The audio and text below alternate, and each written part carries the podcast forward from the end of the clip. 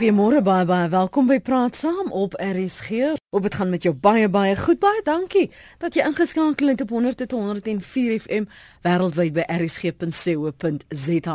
Jy luister natuurlik ook na ons op DStv kanaal 813. My naam is Lenet Fransis. President Jacob Zuma het die huidige stand van demokrasie in Suid-Afrika betreur en gesê daar is nie meer ruimte vir debat nie. Hy het uh, die ANC ondersteuners by 'n saamtrek in Dube in die noordelike deel van KwaZulu-Natal toe gespreek en hy sê politieke partye het uitgewyk na die howe en demokratiese debatte is vervang deur regsgeleerders wat in die hof argumenteer. So oggend kyk ons na die toekoms van die demokrasie. Ekskuus. Ek sit nog vas in daai sin wat die president gesê het. Ons kyk na demokrasie in Suid-Afrika, Afrika en die res van die wêreld. En heel eerstens vanmôre praat ons met Dr. Jakkie Silje. Hy is direkteur by die Instituut vir Sekuriteitsstudies. Goeiemôre Dr. Jakkie Silje. Goeiemôre Lenet Fransis. ek ek ek mens moenie lag oor van die stellings nie, maar ek dink gegee die geskiedenis en wat die laaste paar dae ontvou uh, het, is dit half moeilik en sluk mens swaar aan die die huidige stand van demokrasie in Suid-Afrika. Maar ek is bly om te sien dat die president dit ook betreur. Vir ons daaroor praat. Hoekom het jy gevoel daar is 'n behoefte om te kyk na demokrasie in Afrika, Suid-Afrika en die die toekomstige tendense wat ons daaruit kan leer uit die geskiedenis. Net ek het so 'n uh, paar jaar gelede ehm um, uh, uh uitgetree as die direkteur van die Instituut vir Sekuriteitsstudies. Ek is ek is nog die voorsitter van die raad en en al hierdie tipe dinge, maar ehm um, ek ek doen nou langtermyn vooruitskatting by die instituut voltyds. Ehm um, en ons kyk na na langtermyn tendense en uh een van die tendense waarna ons gekyk het is ons gekyk met die geskiedenis en 'n vooruitskatting gedoen van demokrasie uh spesifiek in Afrika maar internasionaal. Mm. Ons het ehm um, uh 'n ooreenkoms met Amerikaanse Universiteit uh, in Denver en ons gebruik 'n redelik gesofistikeerde model om te kyk ehm um, wat in die verlede gebeur het en en wat op pad is. So ons kyk langtermyn. Ehm um, Ek het ook redelik navorsing al gedoen oor Suid-Afrika en vooruitskattinge gemaak rondom dem demokrasie in Suid-Afrika. So ons kan definitief ook praat oor wat in Suid-Afrika aan die gang is. Ja. Ehm ja. um, maar ons kyk meer ehm um, na tendense oor oor jare eerder as uh, as die gebeure van dag tot dag. En wat president Zuma nou na, na, natuurlik van praat, jy weet dit is maar deel van die gewoel en die gewerskap van demokrasie. Ehm um, maar die die die algemene uh, tendens is 'n is 'n positiewe tendens as mens nou daarna kyk oor 'n lang termyn. Mm. Uh, en nie nie van dag tot dag nie. Kan ek dan gou vinnig vir jou vra omdat dit nou in die nuus loop is, wat besig is om te gebeur en die gewildheid van 'n kandidaat soos Donald Trump byvoorbeeld. Speel dit in in wat julle vooruitskattinge is en wat julle gesien het besig was om te ontwikkel oor die afgelope 3-4 jaar? Ja, ehm um, wat ons sien internasionaal, ehm um, ek vir hier maar Engelse woord gebruik want ek is ek sukkel om my vaktaal Afrikaans te, te besig. Uh, jy jy kry hierdie populêre populistiese uh, partye internasionaal. Ehm um, en Donald Trump en wat in uh, met Brexit gebeur het en mm. wat in Europa aan die gang is, ehm um, is tot 'n mate reaksie teenoor uh, globalization uh, globalisering wat ook al 'n Afrikaanse woord is. en ehm um, dit is 'n uh, uh, uh, dis nie net in Suid-Afrika wat ons dit sien met die EFF en en hierdie tipe partye nie, maar ons sien internasionale tendens waar ehm um, selfs in demokratiese lande soos Duitsland, Swede, Engeland ensovoorts uh, waar mense voel hulle hulle hulle voel te veel mag is weggegee en hulle wil terugkeer na hulle eie. Ehm um, en hulle hulle uh, en en dit hierdie populêre populistiese partye kom ook in golwe um, en as mens nou terugkyk in die geskiedenis was daar in die in val in Europa geskiedenis se geskiedenis 'n uh, aantal uh, tydperke maalweg na 'n ekonomiese resessie waar dinge ekonomies nie baie goed gegaan het nie. Um uh so hierdie tipe reaksie en soos ek sê ons sien dit in Suid-Afrika ook, ons sien dit met die EFF waar jy populistiese party kry ehm um, wat ehm um, in opstand kom teen dinge. Hulle hulle kan nie eintlik alternatiewe voorstelle op die tafel plaas nie, maar hulle is baie goed om in te tap op die ehm um, ongelukkigheid wat mense het wat hulle voel hulle ons voel ons het nie meer beheer oor ons eie lewens nie ander mense ander lande mm. die internasionale gemeenskap domineer wat in in 'n land plaasvind en uh, so die internasionaal gaan ons maar almal deur hierdie siklus en en wat in Amerika gebeur het baie te doen met Amerikaanse plaaslike politiek maar dit dit het ook te doen met 'n gevoel van die Amerikaners dat hulle nie meer die top dog is nie Wow. en laat um, China en ander lande mm. besig is in 'n sekere sin om um, om hulle verby te steek en en so en so voort. Ek kyk wil nog net twee ander goed na waarna jy verwys het gou met jou eh, toets. So die wat nou so vir ehm um, Donald Trump aanhang, maar nie noodwendig Republikeine is nie of wil wees nie. Ja. Wat word van hulle as kiesers? Wat wat gebeur in daai milieu waar in hulle hulle self bevind? Want jy's nie Republikein, jy's ook ook nie 'n demokraat nie, maar jy vind aanklank by sommige van die uitsprake wat hierdie kandidaat sê. Ja, kyk as mens nou kyk na die ontleding van die uh kiesers wat uh, vir Trump steun, dan is dit ehm um, uh, baie kere ehm um, um, middelklas Amerikaners wat nie baie goeie uh opvoeding het nie, redelike uh, laag sosiale kriteria ehm um, en ehm um, 'n redelike uh ehm um, uh ek uh beskouing van die wêreld het. Ehm um, ek ek ehm um, weet nou nie presies wat die Afrikaanse woorde is nie, maar maar dit is die ehm um, mense wat vir Trump steun. Dit mm. is uh mense wat nie omgee oor hoe hy praat oor oor vrouens en uh en en hierdie tipe dinge nie. Uh in 'n sekere sin as mens dit kruiwel stel, is dit 'n redelike ongesofistikeerde verkiezer, verkiezerspubliek wat vir Trump steun. Um en dit is 'n publiek wat in die verlede nie geweldig deelgeneem het aan die verkiesings nie. En maar Trump het he, he tapped into mm. uh, this sense of isolation and and sense of frustration mm. uh, with particularly white uh, American uh, I would say lower class voters en dit is die probleem. Um en dit dit het, is 'n bietjie van 'n van 'n aardskudding want daar is 'n geweldige gevoel van frustrasie by Amerikaners dat die politieke wel die republikeine en die uh, demokrate uh, uh, uh, Washington is not delivering. En die politiek in Washington soos ons weet is uh, dit is uh, uh, there's an impasse. Nothing ja. is moving. Ja. Ehm um, want die ehm um, niemand wil wil hê op hom om enigiets doen nie. Ehm um, so die kongres blok enigiets wat hy doen. En daar is 'n algemene gevoel onder Amerikaners dat demokrasie nie lewer waar wat hulle gedink het dit gaan lewer nie. Nou hmm. Amerika is 'n ryk land ehm um, en in 'n sekere sin is daar 'n demokrasie in jou ryk lande is in 'n ander ontwikkelingsfase as wat dit is in byvoorbeeld in Afrika. Hier in Afrika uh, mense veg en stoei vir die reg om te stem, maar in Amerika is daar 'n gevoel wel jy weet uh, demokrasie lewer nie en ons het nie eintlik 'n regering nodig nie. Regering is net 'n probleem.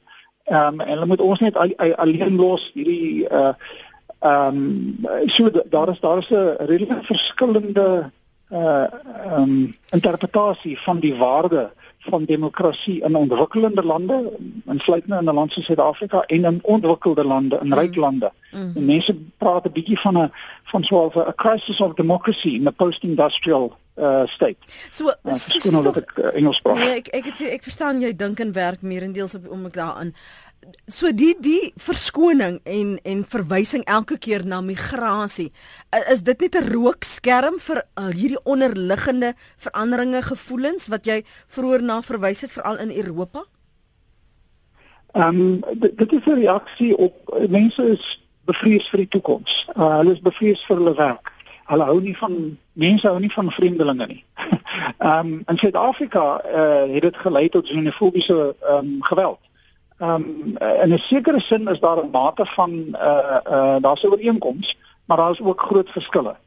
Ehm um, Europa en Amerika, jy weet, is is ryk lande, uh, hulle dink hulle kan vir al hierdie eers 'n uh, 'n uh, 'n muur om hulle bou en uh, in in they can live in splendid uh, rich isolation terwyl die res van die wêreld, Midde-Ooste en en Afrika uh, gedompel is in armoede. -hmm. En in vandag se se wêreld waar ons almal uh, met mekaar gekoppel is deur die internet en uh, telefoon en so en so voort. ehm um, verwys ons na uh, iets wat bekend van as relative deprivation. Ek is bewus daarvan hoe uh, relatief ek minder bevoorreg is ge uh, teenoor iemand in, in Engeland, in Duitsland en so aan. En gegee die gewag en die ehm um, gebrek aan ontwikkeling vir die Midde-Ooste en in, in in Afrika, is dit uh jy weet, soek mense toekoms vir hulself vir hulle kinders en en en en uh een ding lei tot 'n volgende geweld ensovoorts en daar is um, honderde duisende mense wat um, probeer vlug en probeer 'n beter lewe kry en die politiek in lande so Swede wat in die verlede um, baie uh, toeganklik was uh, aan aan die einde van die dag begin kiesers die gewone Sweedse uh, kiezer um, in opstand kom want hy voel sy waardestelsels sy werk um, word uh, bedreig mm. deur hierdie immigrante en en die immigrante het 'n ander um, uh kultuur, hulle het 'n ander godsdiens um, ensovoorts. En Verstaan. en die ouens uh, is meestal moslems en hulle plant uh jy weet hulle gooi bomme en so aan. So die, hierdie indrukke uh speel 'n groot rol in plaaslike politiek en politici in Suid-Afrika, iemand soos Julius Malema, um, Donald Trump, um, ensovoorts, uh UKIP en al hierdie partye.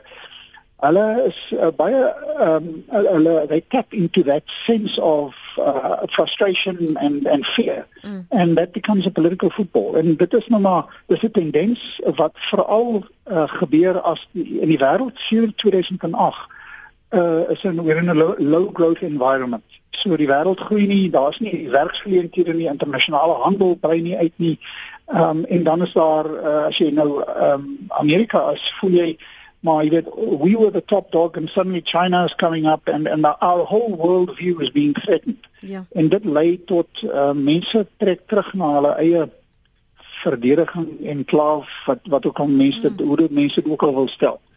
So dis is 'n samevoeging van 'n verskeidenheid van tendense wat ons sien.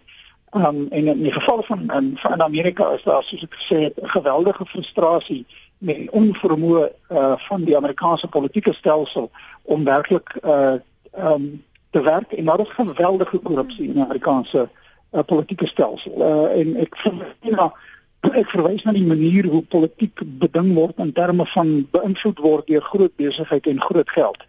En dit um manipuleer die politieke stelsel. So uh politics in the US is about money and about influence Um en en dit uh, ek dink die gewone man in die straat voel hy wil um die politici wat in Washington sit um verteenwoordig nie meer waarvoor hulle uh waarvoor hy of sy gestem het nie ja. en uh, Trump um het het uh he taps into that deep sense of resentment. Kom ons hoor wat het Hans op die hart. Môre Hans. Môre net en uh, môre uh, geëerde dokter Jackie uh, daar by uh, sekuriteitsstudies. En die handwerkers is allemaal slinkop op in mekaar. Ja, oké, okay, julle doen vandag hierdie ding in konteks van ek waar jy begin dit is waar nou is ek heeltemal die mekaar, maar ek wil nou terugval op wat jy oopgemaak het met die regs uh stories wat die regs uh beleid nou soort van in die howe nou uitgesorteer word in in die argumente van op hoogste vlak en op alle vlakke nou en ons uh, in ons nuwe demokrasie uitgesorteer word. Wat basies gebeur het in Kodesa by 2 jaar van onderhandelinge was daar pertinente baie belangrike punte net as ons gaan in 'n regstaat in beweeg. Nie 'n polisie staat of 'n militêre staat of 'n junta en daai goed nie. En dit is wat die, die grootste onderhandeling uh, uh sukses was is dat julle moet nou luister. En elf regters het ons gekry as in die konstitusionele hof en daai ouens van kyk wat julle ouens hier op die grond maak. Ons sien nie om wie is julle en wat is jy en wat en wat en wat nie. En ons kom op die stadium en dit is die groei proses van ons ons nou in is en dit is dat die regstaat wat ons so briljant gebring het tot nou toe die dinge vir onsself uitsteek uh, uitsorteer want ons praat altyd van kollektiewe besluite ons praat van gesamentlike gemeenskaplike besluite en uh, die bottom line is die regstaat moet sy uh, die, ons demokrasie se vertrekpunt is ons regstaat en ons moet maar aanpas met, uh, met met die res van die globalisering van die wêreld. Ons is verby hulle. Ons is hier die sekpunt van Suid-Afrika. Nelson Mandela se droom. En dit is waarvoor hy 27 jaar gesit het om daai penale oorgawe te verkry en en en 'n kenning te gee aan almal wat hier bloed verloop het. En ek beloof vir jou as jy die regstaat nie gerespekteer word nie, kan ons net sowel die ligte afskakel. En ek vertrou dat uh, almal in konsensus heilig in Suid-Afrika uh uh uh onbewuste besef dat ons ons konstitusionele konkord is mm -hmm. ons uh, uh, autonomie ga en baie dankie baie dis sou dit al is. Dankie Hans, dankie dankie daarvoor. Uh die Concord die konstitusionele hof is ons alfa en ons omega. Ek sal nou-nou by uh, Dr. Silje vra of hy daarmee saamstem. Jan, môre? Uh, goeiemôre Lenet, goeiemôre Dr. Jackie. Lenet net twee vrae is. Mm -hmm. As ons nou kyk na die Suid-Afrikaanse demokrasie? Mhm. Mm dan wil ek glo ons is progressief. Maar daar is tog daardie vir vir vir vir vir die ander disippels wat nie wil hê ons moet vorentoe gaan nie.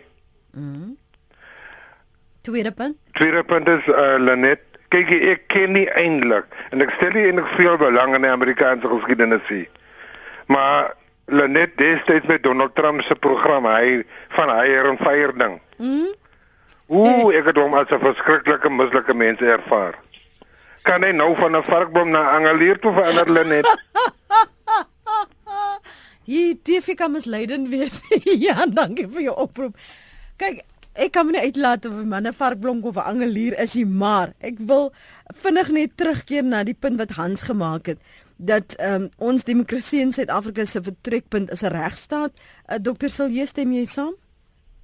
Ja, nee, dis baie waar. Ehm um, ons het ehm um, Suid-Afrika het, het, het baie ehm um, komperde verlede ehm um, uh, baie progressiewe ehm um, konstitusie aanvaar en onderhandel. Ehm um, en tot 'n mate kan mens 'n argument maak dat die uh, regstaat en die uh ehm um, uh mense menseregte wat in ons konstitusie uh, ingebou is 'n uh, bietjie vreemd vir baie Suid-Afrikaners en ehm um, tot 'n in 'n sekere sin is die jare na 1996 ons nou die nuwe grondwet aanvaar het.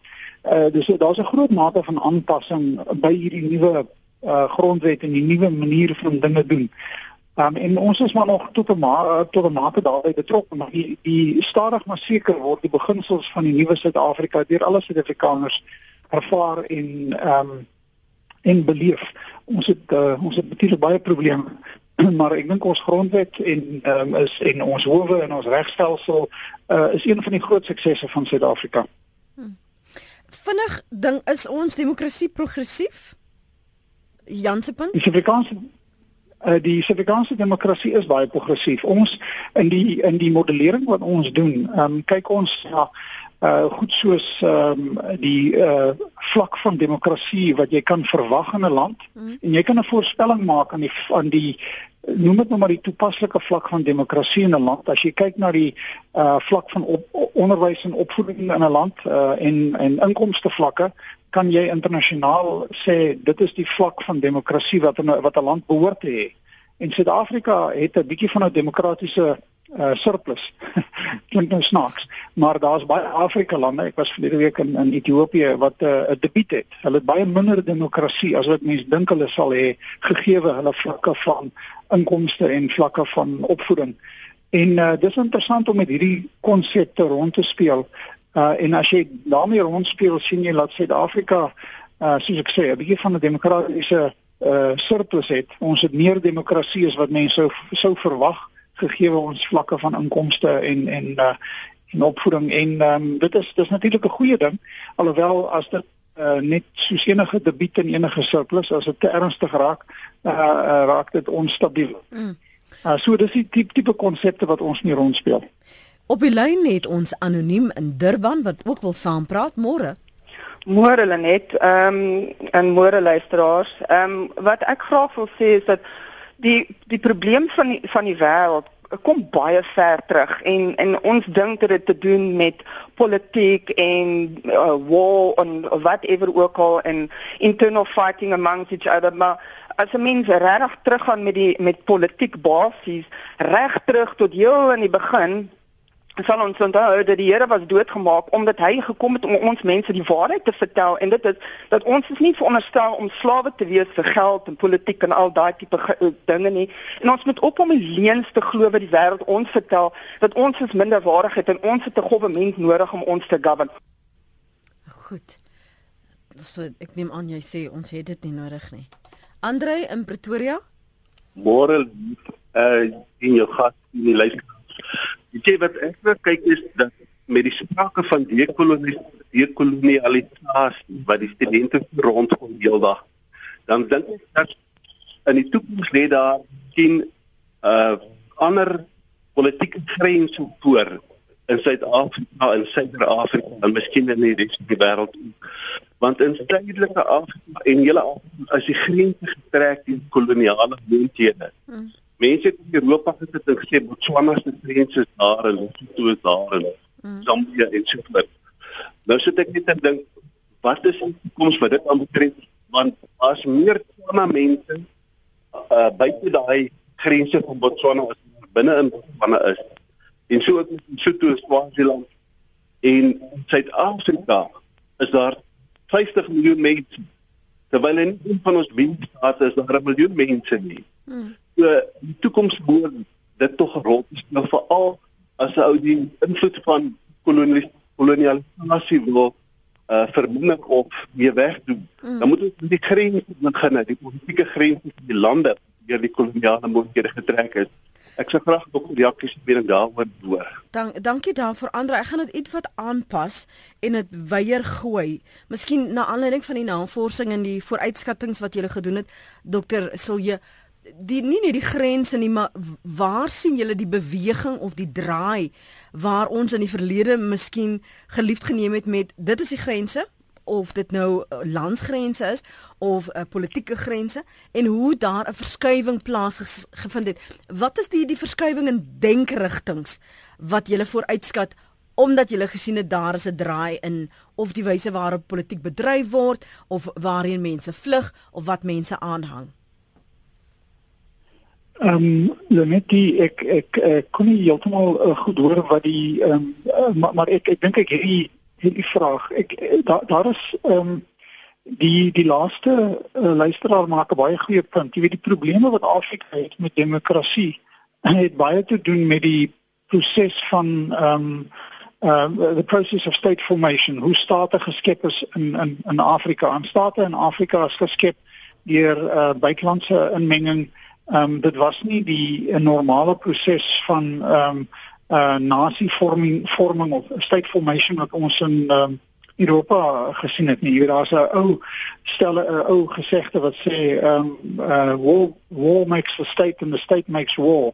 Dat uh die die ehm um, uh nations were traditionally formed uh, through war and through fighting and so en so voort. Mm. Dit is nie die geval in in Afrika nie en ons het 'n ons het in Afrika wat ons verwys na 'n uh, so 'n delayed process of state formation want um, ek weet mense baie keer raak mense hulle rol hulle oë wat ja, hulle die tipe dinge maar ehm um, en, en na kolonialisme in Afrika gekom het uh, het ons ehm um, uh, die koue oorlog gehad en in werklikheid is die proses van die vorming van ehm um, normale state in Afrika ehm um, is is gevries. En ons het eers vanaf 1990 na die val van die Berlynse muur het ons 'n uh, proses van normale uh, nation formation in Afrika en so aan. Ek, ek kom toe weer kom geskiedenis wat mense oor oor oor kan maar ehm um, die uh, die uh, toe Afrika het, het spesifieke probleme as dit kom by die proses van demokratisering, van normalisering van regering, maar die tendens is 'n positiewe tendens. Op die oomblik as mens kyk statisties, is uh, Afrika nie oorweldigend um, demokraties nie. Die meerderheid um, uh, mense in Afrika en die meerderheid lande in Afrika is nie uh, demokrasie nie. Daar is 'n klein hoeveelheid lande, maar daardie hoeveelheid lande en hoeveelheid mense wat uh, in demokratiese lande lewe is besig om jaar na jaar ehm um, toe te neem. Maar ons ons voorspel dat wat wat internasionaal besig is om te gebeur.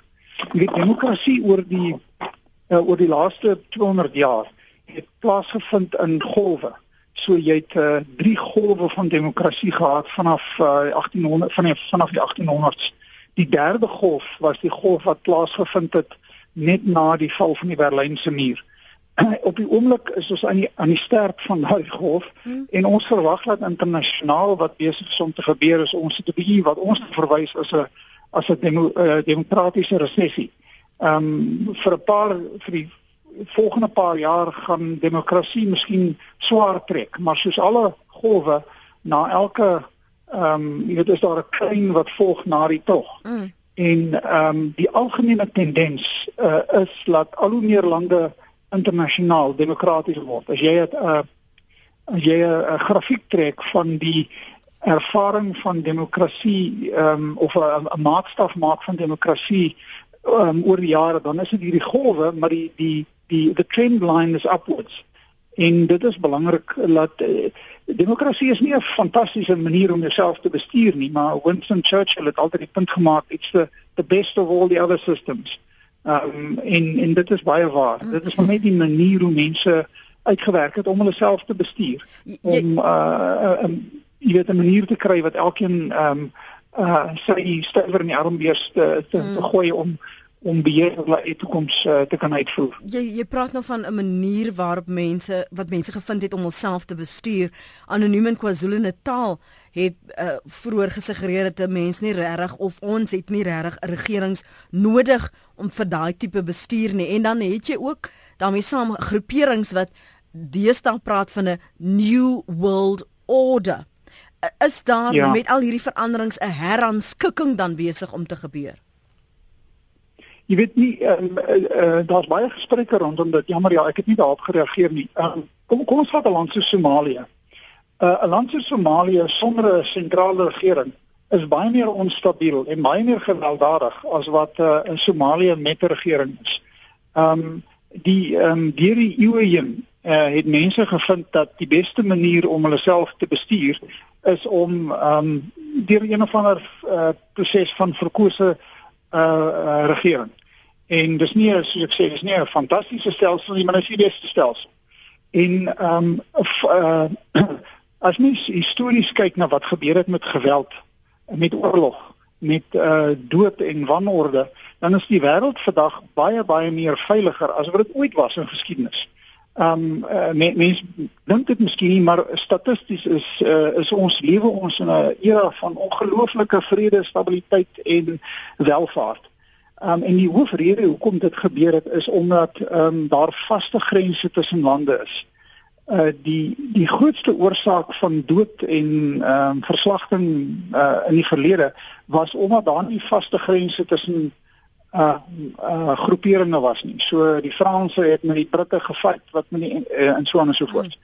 Ehm um, en in Afrika het die een um, stam met die ander stam geveg. Vandat ons 'n wêreld het waar daar vaste grense is, En hierdie kant is my Suid-Afrika en daai kant is Botswana of wat ook al geval is.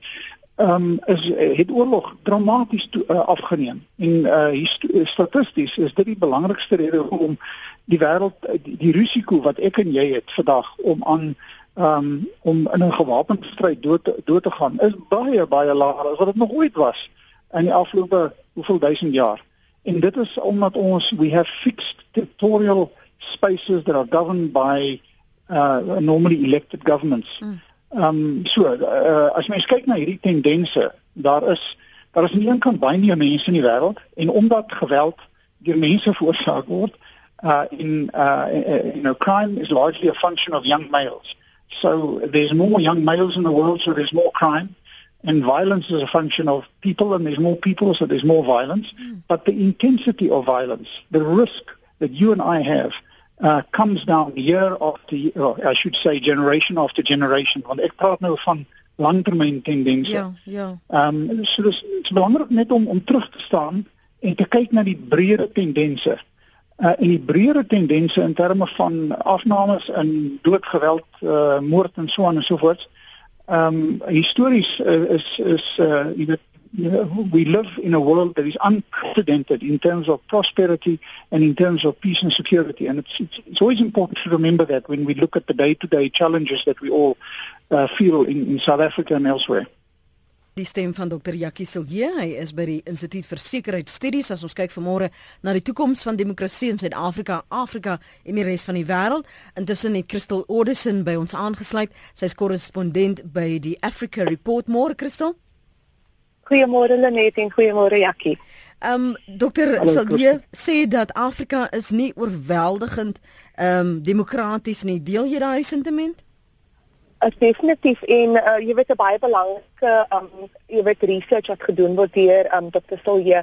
Um ek dink um vroeër het um Dr. Silje gepraat oor Somalië. Hmm. Op die oomblik jy weet die land is veronderstel um 'n verkiesing te gehou word wat begin op die 23 Oktober en einde die 10de van November en tot dusver Lenet is daar geen verkiesing nie. Maar ek wonder self is is 'n verkiesing die antwoord vir 'n land soos Somalië. So ek weet Dr. Solie sê ja, moontlik, miskien nie die um die die idee van 'n demokrasie of die idee van 'n um verkiesing is miskien nie dieselfde nie, maar so kyk vir um die, net 10% van die 12 miljoen Somaliërs gaan eintlik stem as die verkiesing ooit gaan plaasvind. So dit beteken net 40000 mense van die um verskillende clans wat eintlik gaan stem.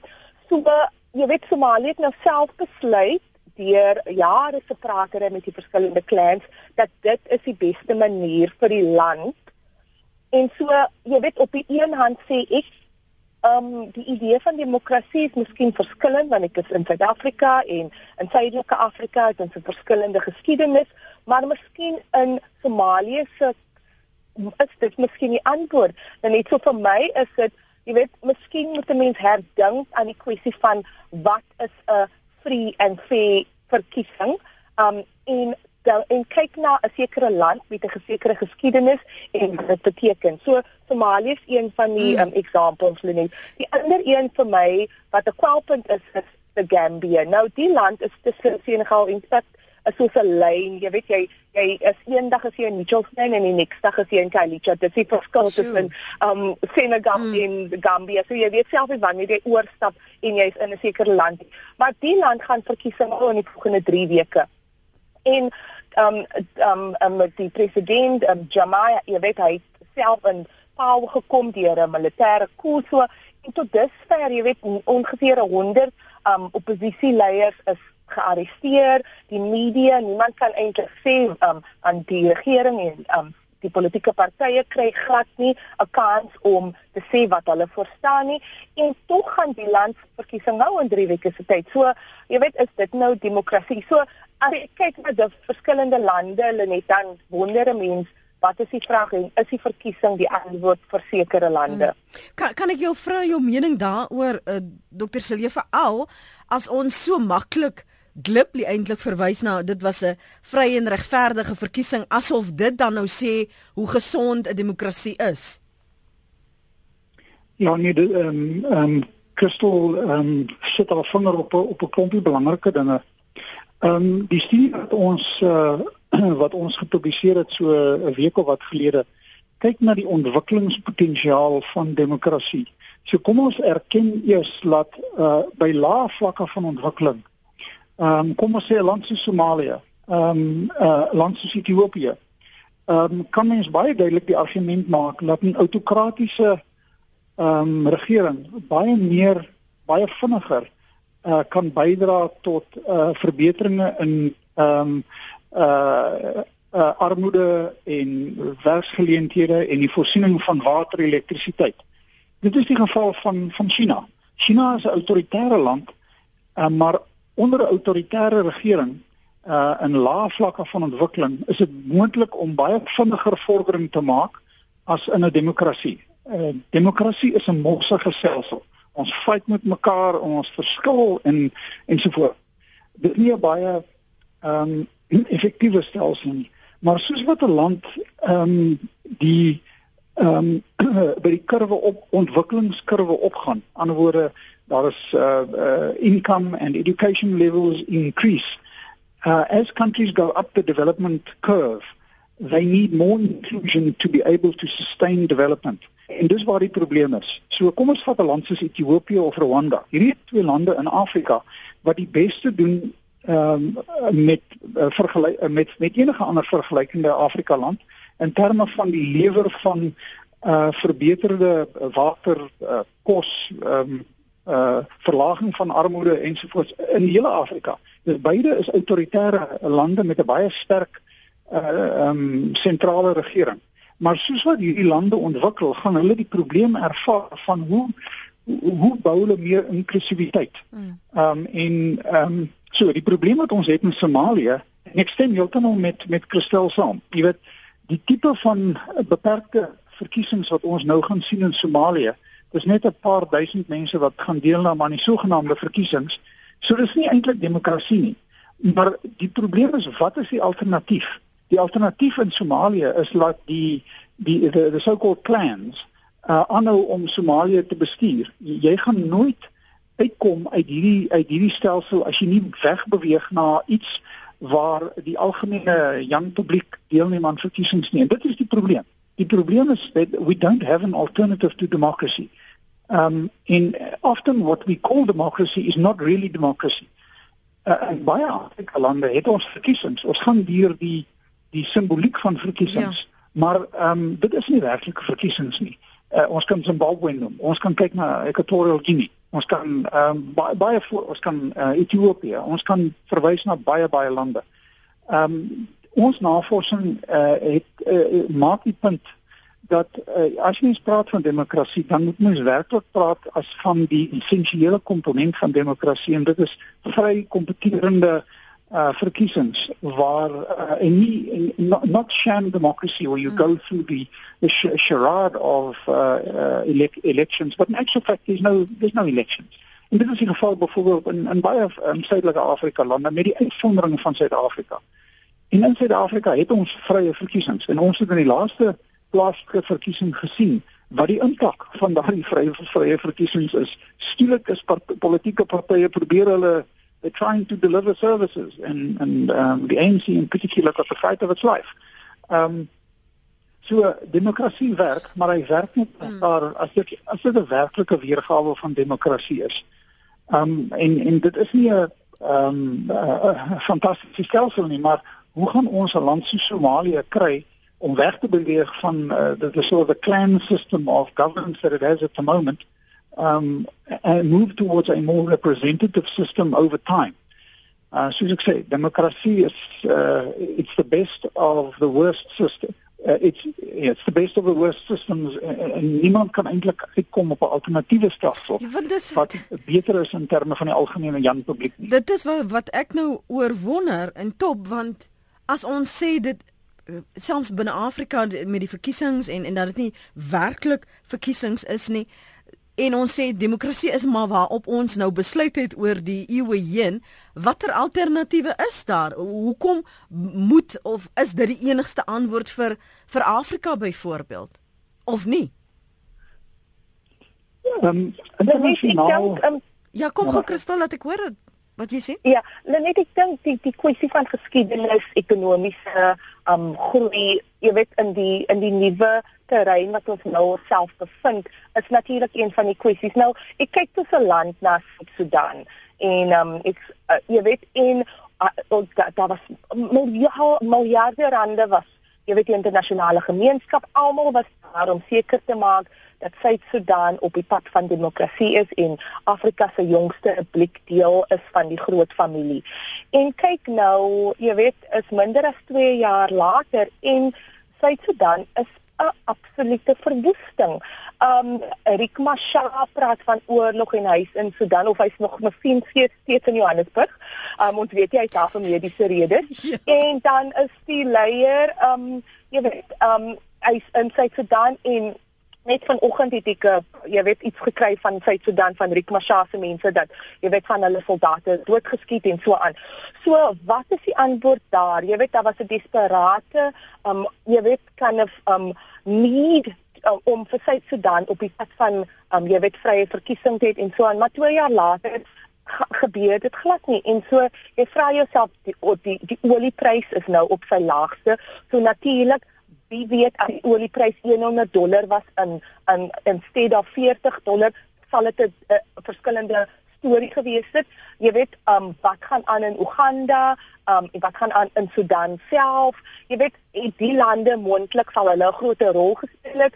Um Kenia hoor ons nou gaan sy soldate uit die land uitvat en hy wil ook glad nie meer betrokke wees om die, om die land te om op die pad van miskien 'n verkiesing of die pad na um demokrasie. Um jy weet, wat is die alternatiewe? Hmm. So um jy weet en is 'n kwalpunt vir my Suid-Sudan want omdat hy Suid-Afrika hy jongste te sê kind van Afrika, maar tog is dit 'n disaster. Um en 'n mens wonder so wat gaan nou gebeur? En hmm. natuurlik um is die ander um kwalpunt vir ons hier in Suid-Afrika Afrika is demokrat die, die demokratiese republiek van Kongo. Jy weet um en ek weet Dr. Salie en um jy weet Suid-Afrika het 'n groot rol gespeel in wat daar aangaan. Maar nou ons weet nie Desember 19 is die groot dag hulle net wat Kabila moet uh, jy weet is sy laaste dag en die oppositie het gesê kyk dan gaan moord wees op die strate van Kinshasa. So wat wat gaan daar gebeur? Ons weet um die week um kom die um die VN se sekuriteitskounsel is hulle nou daar en jy weet gewoonlik as die as die groot groot basis van die VN daar is kom hulle gewoonlik of jou die die riot act te lees om te sê hulle net jy moet dit doen of else maar wat gaan gebeur? So vir my is dit jy weet omdat 'n mens die dis nou die daaglikse nuus wat ehm um, jy weet wat die wat die hoofpunte is, maar mense vra tog wat gaan aan in die lande en wat is die alternatief? Is om um, is 'n is 'n so hulle gesê dit in die 90s is another world possible. Hmm. Um is another alternative possible en, en tog vir die lande moet jy vra wat is die alternatief? Hmm. Dokter Silje, dis jou wat ons nou gaan afsluit. Dankie, dankie Christel. Ek luister Dokter Silje. Ja, ek Christel, jy sit af van 'n pomp op belangrike mm. punte en ek kom net terug na die die en oor na die algemene punt is baie van die probleme wat sy na verwys is nie noodwendig uh die geweld en die onrus is nie die is nie dis nie die resultaat van demokrasie nie. Dit is uh verskeidenheid faktore wat 'n invloed uh, daarop het. En demokrasie en, en demokratiese uh, praktyk is maar die manier hoe mense probeer om 'n regeringsstelsel in te voer wat um, meer verteenwoordigend is as die vorige een. Ehm um, so die feit dat Kabila en die DRK uh, nie bereid is om terug te staan nie en probeer op ondemokratiese maniere aan bewind te bly, uh die geweld wat ons sien in Suid-Sudan ensovoorts. Dit is ehm um, uh, in 'n sekere sin as mens nou bietjie terug staan, is dit maar 'n simptoom van ehm um, volwassenheid word. Hmm. Ehm um, en dit vat tyd. Uh die die stabiele lande in die wêreld is uh uh lande uh, ryk lande met hoë vlakke van onderwys. Afrika het geweldige armoede, lae vlakke van onderwys en lette uh, uh en so en so voort. En uh dit is met ander woorde geen ehm um, dis nie so, die woord ons te verbaas dat demokrasie onder hierdie omstandighede in sekere sin onstabiel is nie. Maar wat is die alternatief? Die alternatief uh, Robert Mugabe uh, is die alternatief vir Dos Santos is die wat is die alternatief? Mm, mm. Ehm mm, um, en dit is die almal worstel hiermee. Uh, democracy is not perfect, but it, it, at the end of the day it's the only system that uh, gives ordinary people a say in who governs them. And that's all that it is. Ehm um, maar in baie van die lande wat eh uh, Christel, Christel uh, na verwys het, dis nie werklik vrye verkiesings wat daar plaasvind nie. Dit is ons gaan we go through the motions of democracy, but it's not really democracy. So it's important also to make a distinction between a country like South Africa which has got free, fair and competitive elections. And we are very fortunate. And a country like the DRC or Zimbabwe or Angola or uh, uh, Mozambique or Swaziland, you can mention them who don't really have free fair competitive elections. En dit is die die belangrikste eienskap van uh voorvereiste. As jy wil hê demokrasie moet werk, dan uh is die belangrikste ding is dat die verkiesings moet werk en dit gebeur uh baie keer by uitsondering in Afrika. Oh, so 'n belangrike gesprek vanoggend. Baie baie baie dankie vir julle tyd. Crystal Orison korrespondent by die Africa Report en Dr. Jackie Silje uh, by die Instituut vir Sekuriteitsstudies. Dankie dat jy ook jou navorsing met ons gedeel het. Dr. Silje waardeer dit. As jy weer na ons program wil luister en ek wil dit ten sterkste aanbeveel, laai die pot gooi af, luister daarna, gaan net na rsg.co.za en laai die pot gooi daar af.